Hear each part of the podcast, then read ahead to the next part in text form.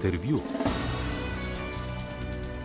Jože Krmel, obrtnik leta 2021, je skupaj z ženo že sedma generacija, ki ohranja kovaštvo na Kovačiji Krmel v Poljanski dolini in sicer že od leta 1870. Nagrajenec, ki je dejavnost prevzel pred 32 leti, kovaštvo razume in doživlja kot umetnost in ustvarjanje, saj so vsi njihovi tradicionalni izdelki unikatni in skovani s kladivom. Žalosti ga usihanje kovaške obrti, sam pa je vesel dveh mladih pomočnikov. Jože Krmel na prvo mesto postavlja kakovost izdelkov in si ne želi širitve. Takšna usmeritev je tudi njihovo poslovno vodilo. Z njim se je pogovarjala Aljana Jocif.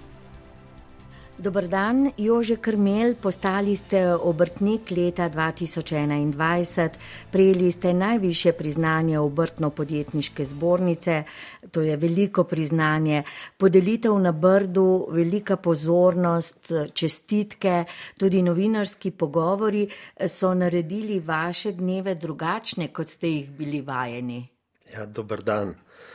Prav res, te dnevi so zdaj čist drugačni, kot smo pa mi.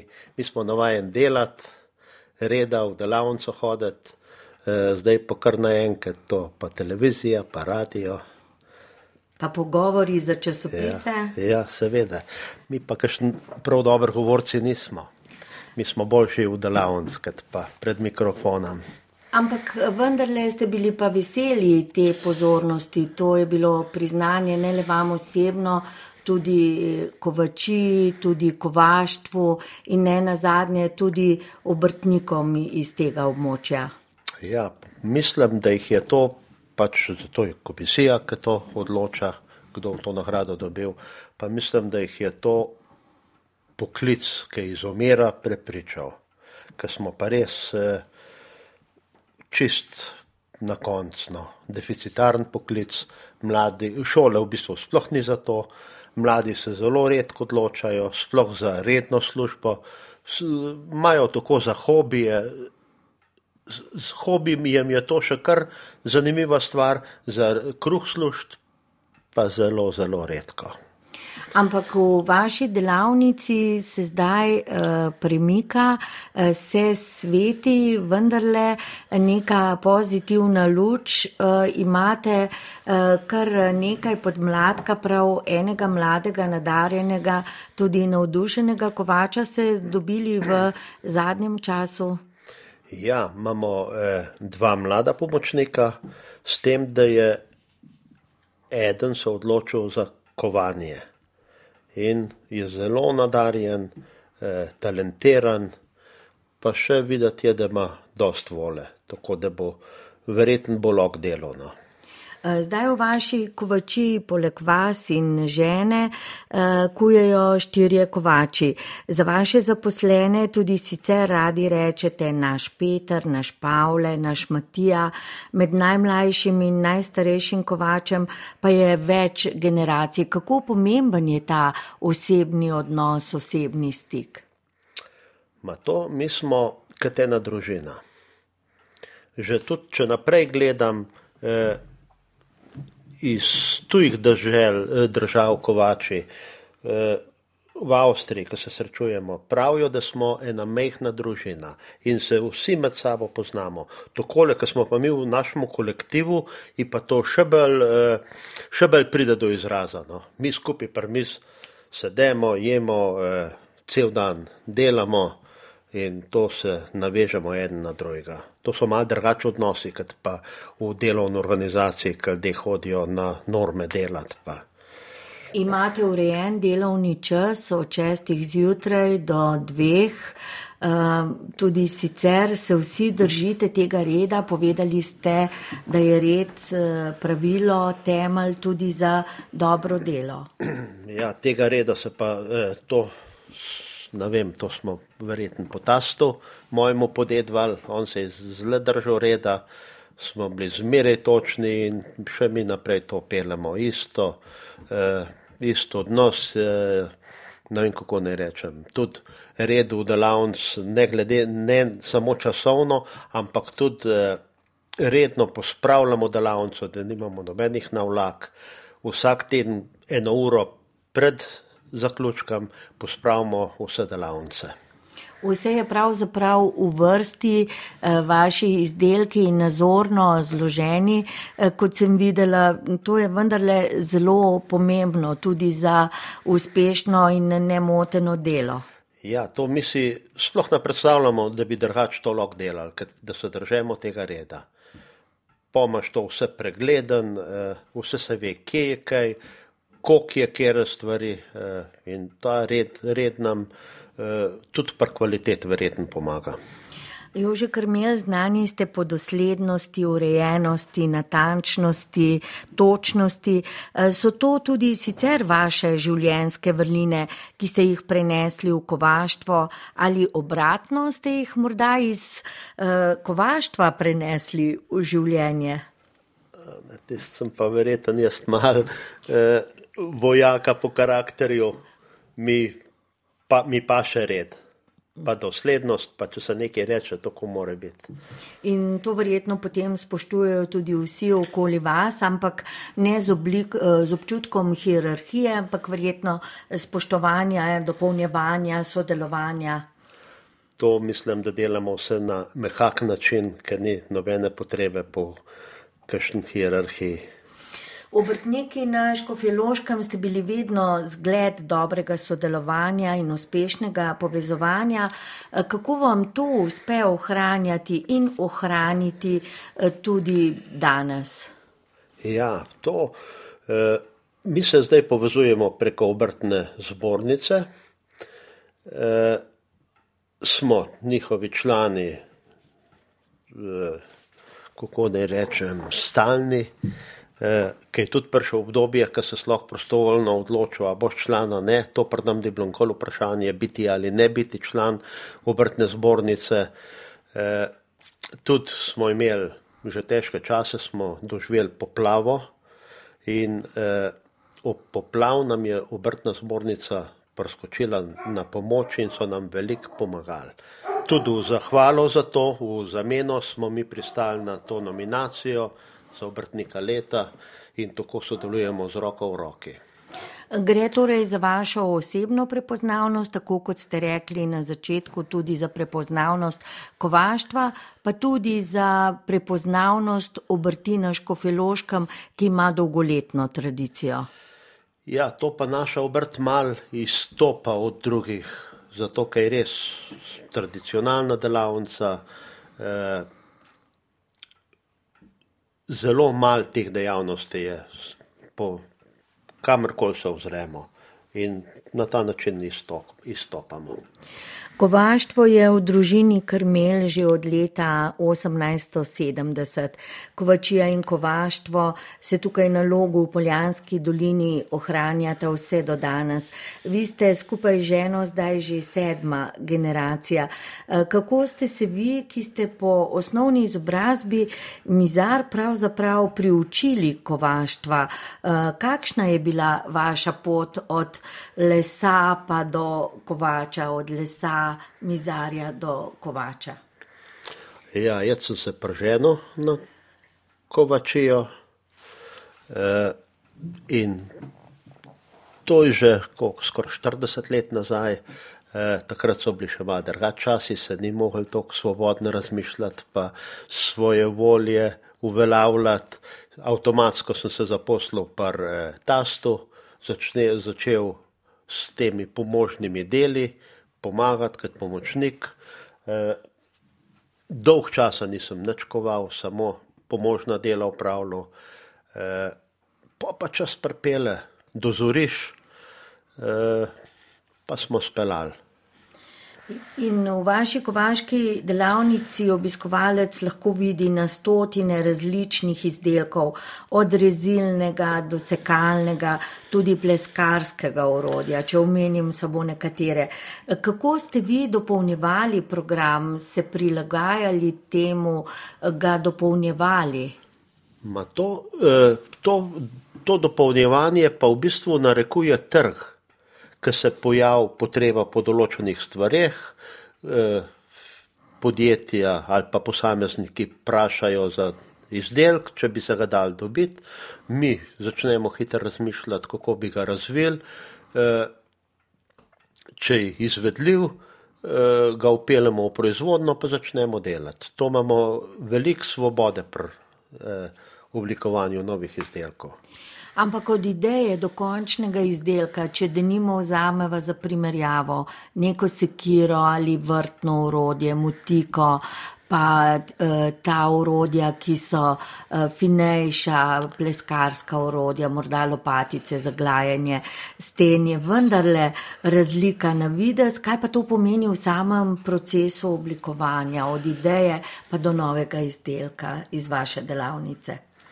Ja, pač določeni izdelki zahtevajo veliko več, tudi več časa rabimo, da ga razvijemo.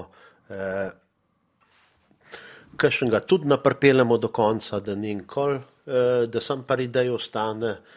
Eh, določene stvari so pa dosti enostavne, ker obvladamo obdelavo teh materijalov, imamo eh, ver, da lahko naročemo, recimo različne dimenzije, eh, kvalitete in se do, to se da kar speljati.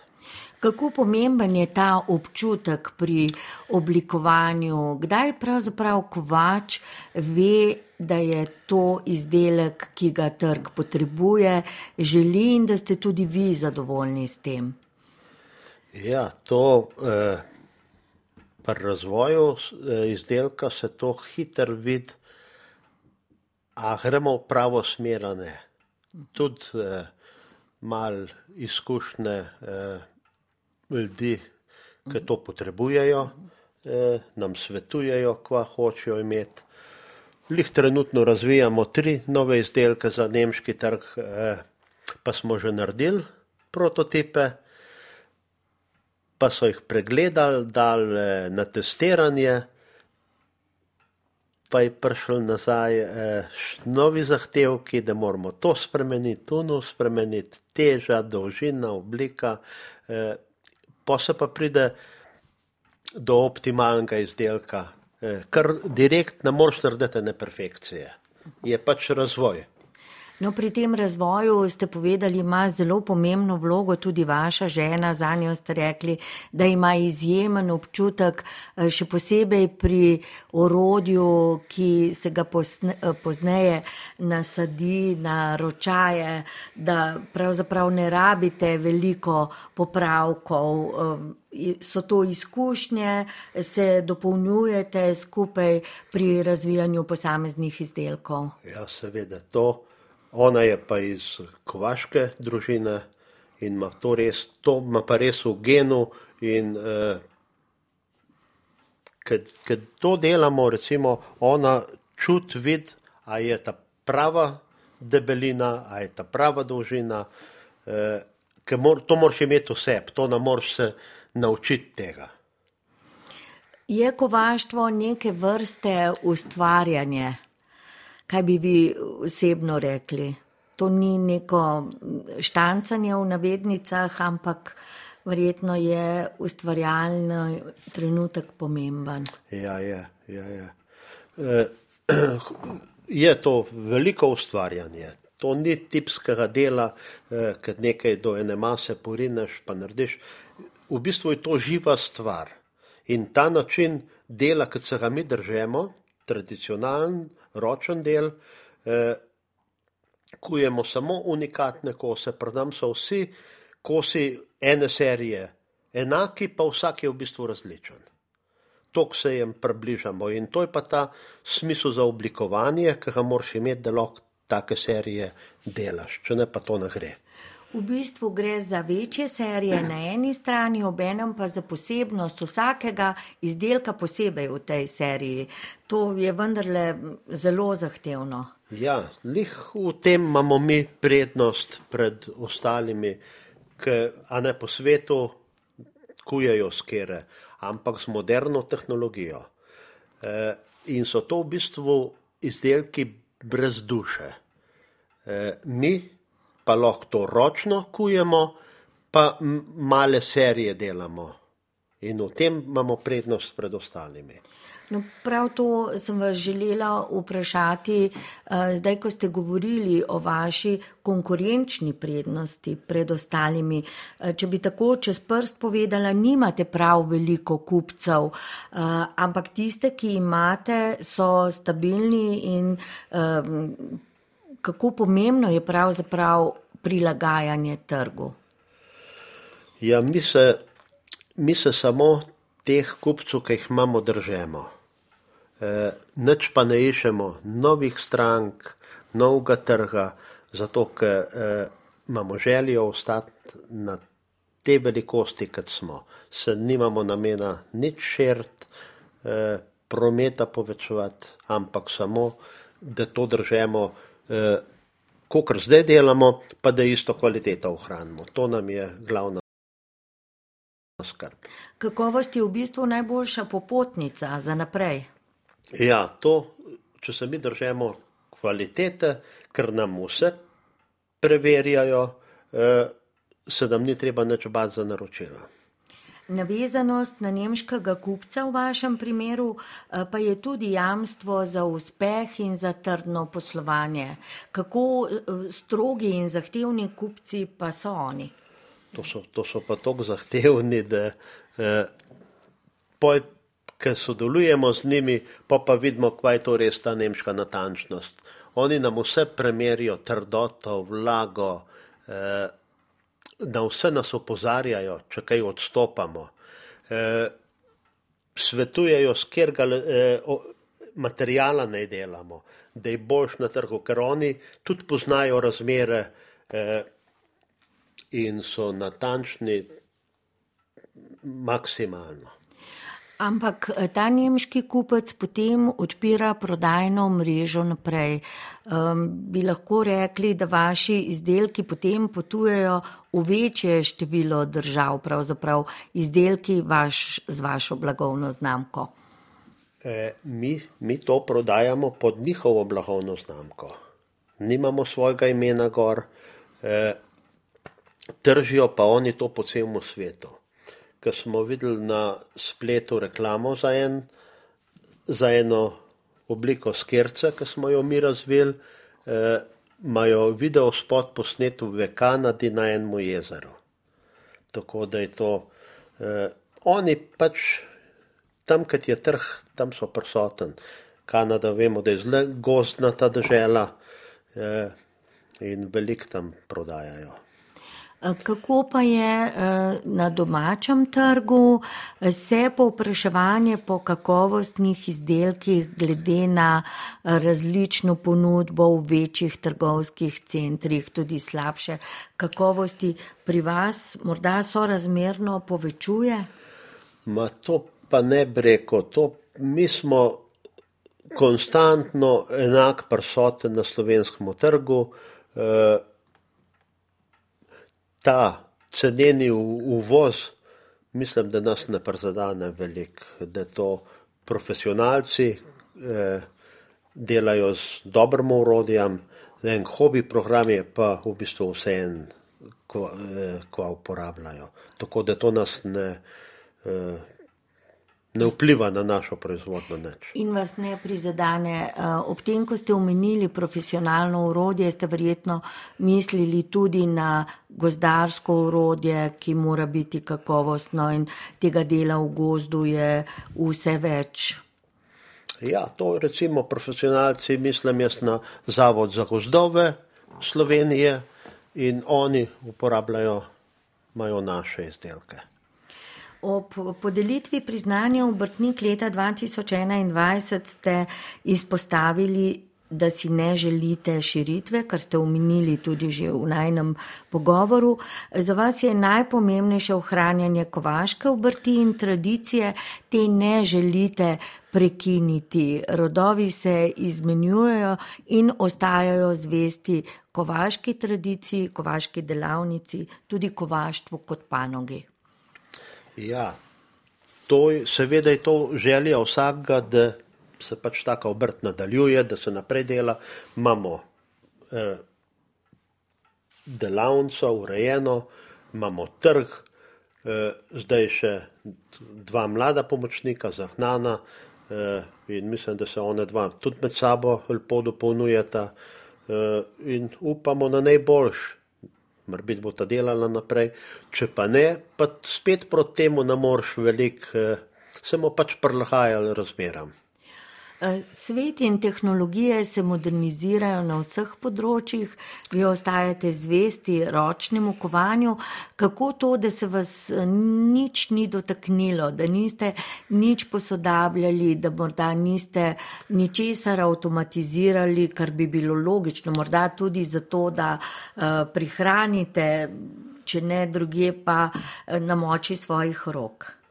Ja, smo mi svoje obdobje tudi malo modernizirali delavnico. Smo eh, posodobili kar dober, ampak poj pa to se pokazali druga plat. Pa smo se pa mi postavili v bok industriji in nis, nis več obrtna delavnica, ampak si že del industrije. Ta pa lahko velik naredi, pa v bistvu težko proda. Mi pa mal naredimo, pa lahko prodamo. Lih v drugem razmerju smo mi, kot pa industrija, in smo tudi videli, da pač potrebe na trgu se spreminjajo. Eh, kupci so iskali take izdelke in smo mi to kuj poparili, eh, moderne stroje vendal. Pa smo rekli, bomo mi kar klasično kovali. Boljš je imeti botik, kot pa moderno industrijo. Kdo v vaši družini pravzaprav eh, preverja trg, kdo uh, oblikuje ponudbo in povpraševanje, poleg tega, seveda, kar ste že povedali, amp, ampak morda za kakšnega novega kupca vas kupci sami najdejo ali uh, vi oblikujete ponudbo. Kako pravzaprav delujejo te klasične tržne zakonitosti v vašem kovaštvu? To nas, nas, kar imamo novih strank, pa novih kupcev, nas vse sami poišajo. Mi nič ne analiziramo trga, eh, smo premehni, nimamo nobenih potreb potem eh, in se nam to samo od sebe odvija. Smo tudi prilagodljivi, eh, če trg, eh, industrija rab samo en izdelek, ga mi lahko naredimo če jih pa rab serijo 50, jih pa spet lahko naredimo. Ker so določene stvari, ki jih nimajo kje na trgu kupiti, ker ni malo serijskih eh, proizvoden in se to mi kamot prilagajamo trgu. Ali tudi vas morda stiskajo roki za dobavo, časovne omejitve, ali tukaj ni teh pritiskov? Ne, teh pritiskov velik ni. Edino zdaj imamo skrb, kako bo z nabavo materijala, to se je trenutno pokazalo s to krizo. E, bomo videli, ampak mi delamo dosti na sigurn, e, imamo kar malo zaloge, tako da lahko tudi počakamo kakšen mesec več na novo surovino e, in mislim, da bomo prebrodili to, da se bojo stvari umirile, normalizirale, pa da bomo spet normalno lahko poslovali brez skrbi v tem smislu. Ta ukrajinsko-ruska vojna je posledično vplivala in še vpliva tudi na proizvodno jekla. Nekatere jeklarne se zapirajo, verjetno ste imeli v to, to v mislih, ko ste povedali, da imate zaenkrat še zalog dovolj. Odkot pa dobivate jeklo? Mi to jeklo kupimo pri trgovcu, to imamo v pelan, stalno se držemo enih in istih, odkje pa oni robo dobejo, pa mi ne vemo. To je lahko iz Italije, lahko je iz Češk, lahko je slovenska roba. E, mi kupujemo samo pod oznako, pod določeno kvaliteto. Poreklo nas pa v bistvu ne zanima. To je trg in kjer oni se naj najdejo, kjer je blago na prodi, tam pobirajo pa jemljajo. In trenutno je velik problem dobiti 500 kg jekla. To se pravi, ta nihanja posledično že čutite, ne glede na to, kdo je dobavitelj, ampak kot ste rekli, ja. zaenkrat nimate skrbi, imate teh zalog dovolj. Zaenkrat imamo, pa tudi imamo že naprej naročen eh, in upamo, da ko se pojavi prilika, se tudi trgovc nas drži in nam bojo eh, dobavili material. Znani ste, mm, gospod Jože Krmel, po teh manjših eh, serijah eh, in minister za gospodarstvo Zdravko Počivalšek je ob podelitvi najvišjih priznanj obrtno-podjetniške zbornice tvitnil, navajam, ustvarjajte še naprej, mi pa vam bomo ostali ob strani s konkretnimi ukrepi za čim lažje poslovanje. Kdaj ste vi v vaši kovaški delavnici dobili dobili konkretno kakšno pomoč države? Ste bili morda uspešni na kakšnem razpisu, ste dobili subvencijo ali se naslanjate na svoje moči in svoje delo? Ja, na, eh, še na noben razpis se nismo prijavili eh, in mi samo na sadovih svojega dela se razvijamo, zato tudi ostajamo tako mehni in mislim, da smo tudi stabilni. Se vam zdijo ti razpisi preveč zahtevni, morda administrativno in birokratsko, ali imate pač svojo smer, ki jo zastopate in ne greste ne levo, ne desno, ne gor, ne dol? Ja, avtomatsko mi tega ne rabimo, zato ker proizvodno imamo vso eh, v stari kovači in ne rabimo sredstvo za razvoj, z, eh, čist, za normalno poslovanje, nam pa stvari laufajo, štimajo. V Sloveniji kovaštvo torej izumira, zanimanja za kovaštvo med mladimi ni. To ni le problem naše države, temveč te težave občutijo tudi druge. Kaj je šlo po vašem mnenju na robe, da je kovaštvo v izumiranju, da, se, da je zanimanje usahnilo?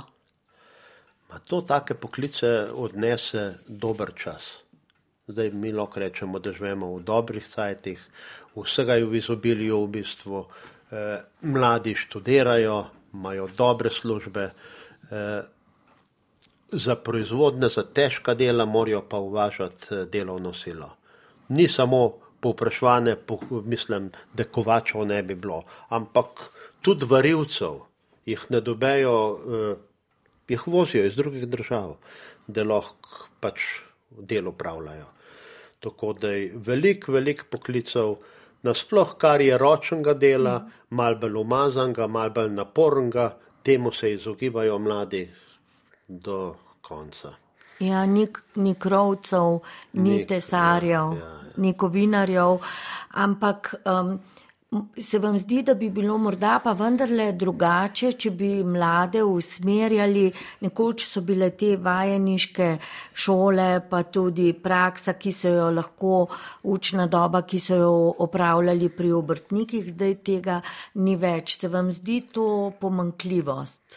Ja, lejte to, če češ prid do enega takega poklica, eh, brez sodelovanja med šolo pa obrtnikom, ali pa eh, brez praktičnega dela se ne da izučiti tega. O, eh, mladi don so polni teorije, v praks pa to v bistvu, ki pridejo v službo, se pa skoraj od začetka to začne. Ampak vi ste, kot sami radi poveste, imeli srečo, zdaj imate dva mlada kovača. Kako pomembno pa je prenašanje znanja na začetku? Ste se morda z najmlajšima dvema kovačema učili skupaj, kako ga pravzaprav vodite, kako pomembno je to prenašanje izkušenj? Ja, to je, v kovači je to dost težko.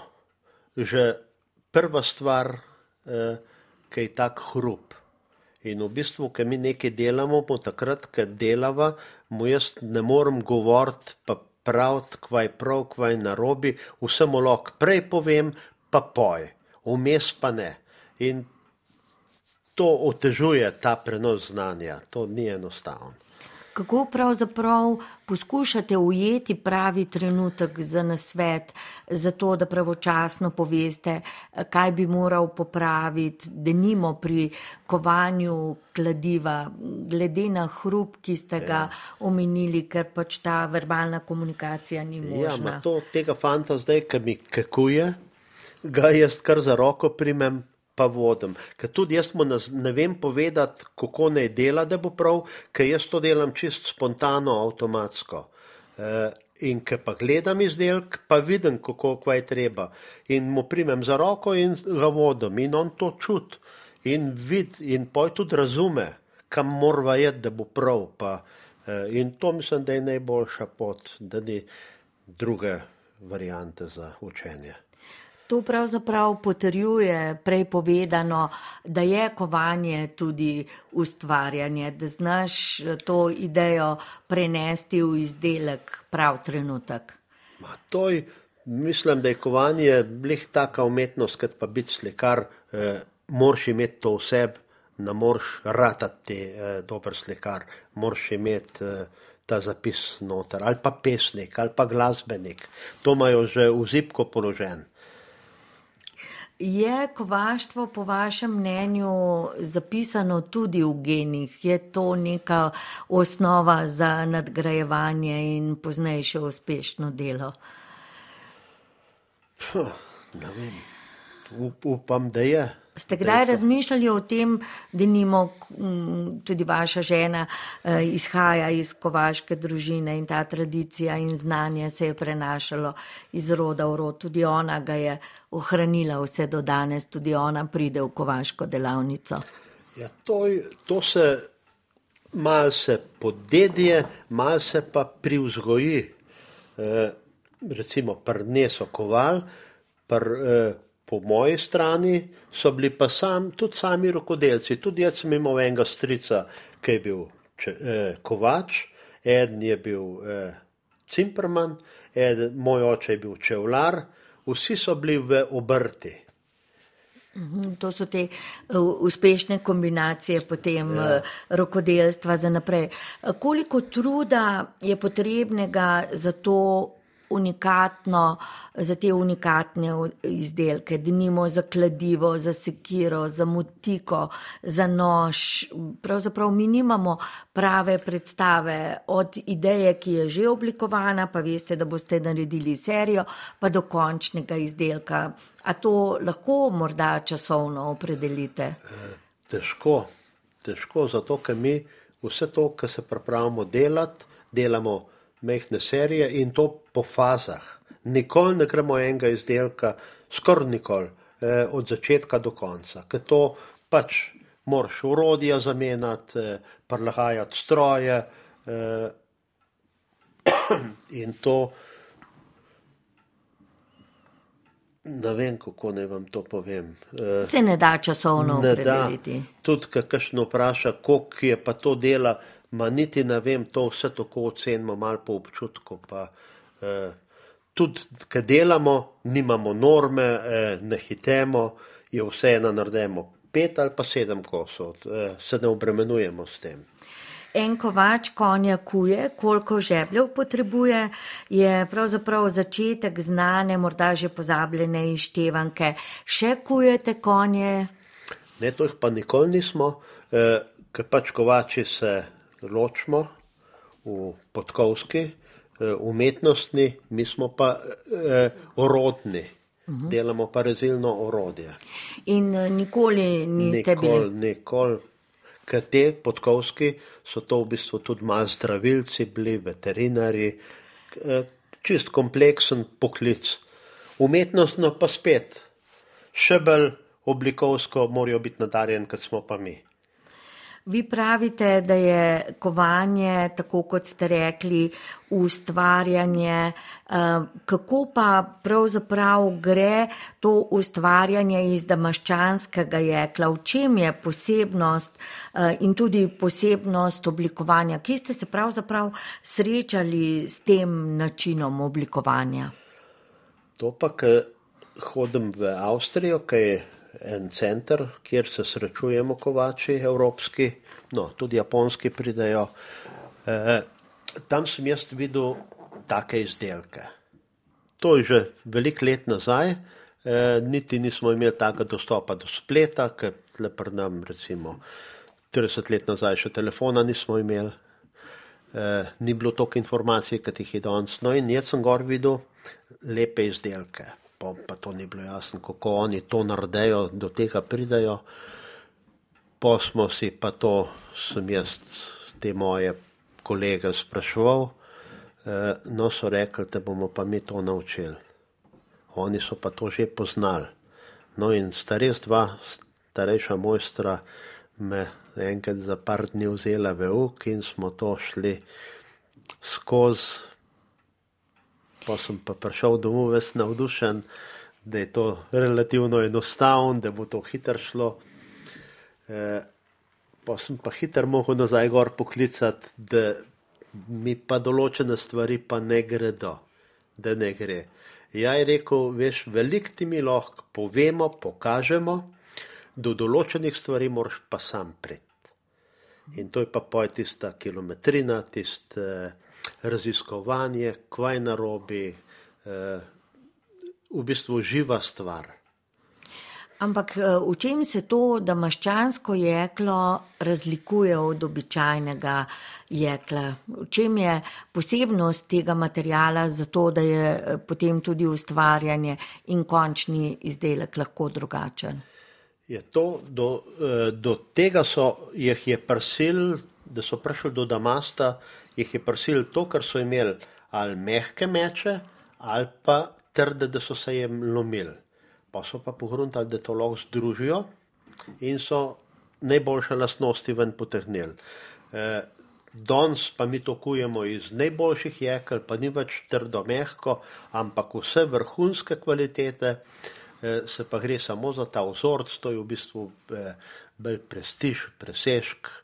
E, Neponovljiva stvar, nepredvidljiva, ne moreš točno vedeti, kva ti bo ratal, včasih tudi na gre morajo biti planeti ali v ta pravem razmerju.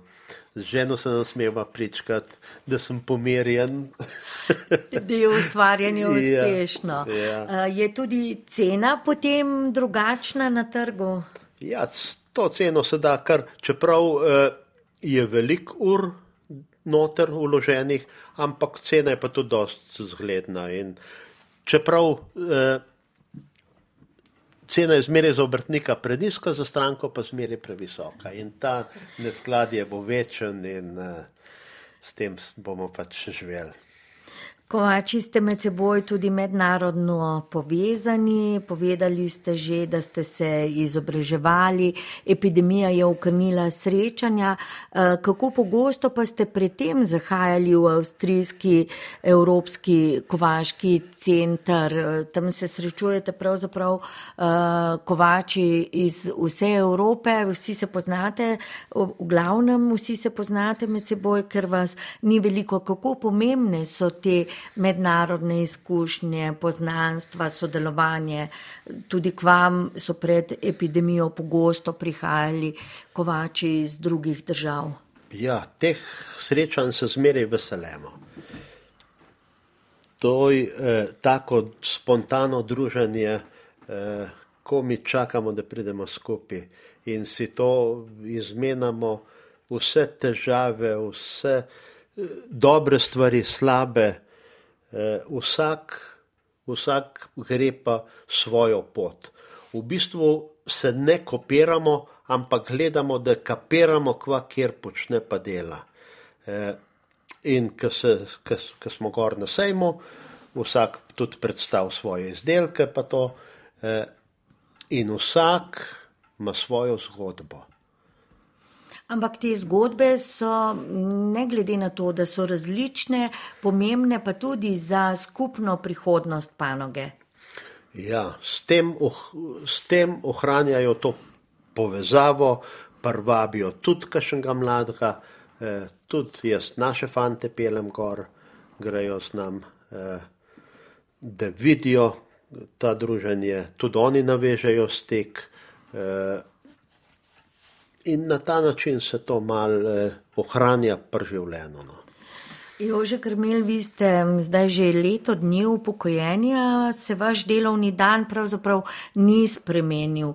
Ste še vedno najbolj srečni v kovaški delavnici. Je kovaška delavnica eh, začetek dobrega delovnega dne? Seveda, to brez kovačije mi ne bi mogli živeti. Pač to nam je način življenja eh, nas usrečuje, smo srečni. Eh, tudi imamo določene trenutke, ki imamo, eh, ki imam ene skupine, ki mi prihajajo in poj, ki pričakujem eh, to skupino, zmeraj prej ogne eh, za kurum, pa luči ugasnem. Takrat sem sam noter s temi okni in to je poseben čar tega, in takrat pa čakam, pa pa ljudje, ki pridajo eh, na poseben način, no, to te zacumpra.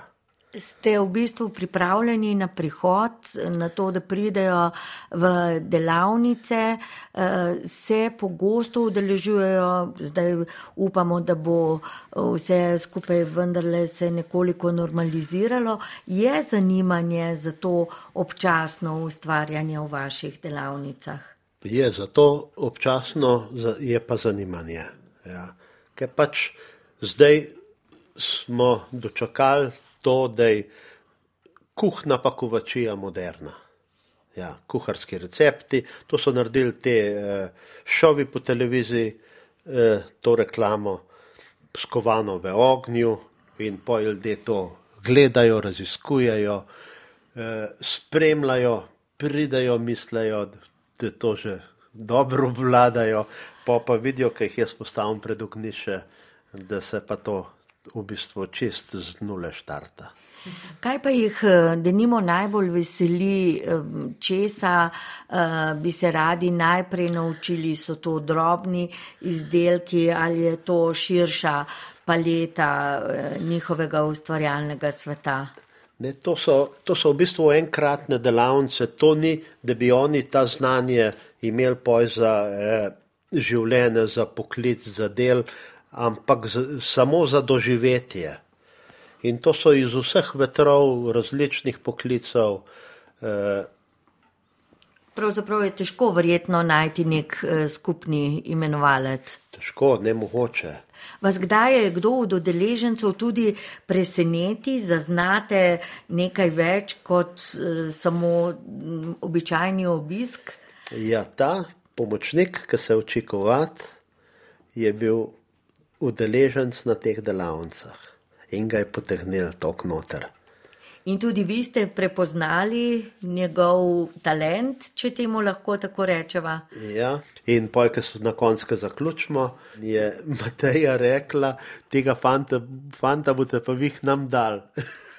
Ker smo videli, kakšen talent ima, kako je on to sproščeno delal, brez matra, eh, no in si je pa res prdem zaposlen. To vam je pravzaprav hranilo zdaj na smeh na obrazu in nek poseben lesk ste dobili v očeh. Je dober občutek, ko uh, dobiš, najdeš uh, pravega sodelavca, v, da gre kovačija in ohranjanje te tradicije v pravo smer. Seveda smo zadovoljni. Tudi zadovoljni smo, ker imamo enega pomočnika, ki že 53 let hodi k nam delati. Eh, in nam je tudi zvest, pa pripadan, eh, tako da mladi, starejši, to vse skupaj štima. No, in naj bo to mladi, starejši, tudi dobra popotnica za v prihodnje. Gre pravzaprav tudi za medgeneracijsko sodelovanje, ki ga na tak eh, neviden način ohranjate v vaši kovaški delavnici. Jože Krmel, vam pa najlepša hvala za pogovor, ki ga je posnel David Lap, pripravila pa sem ga Aljana Jociv. Hvala vam. Intervju.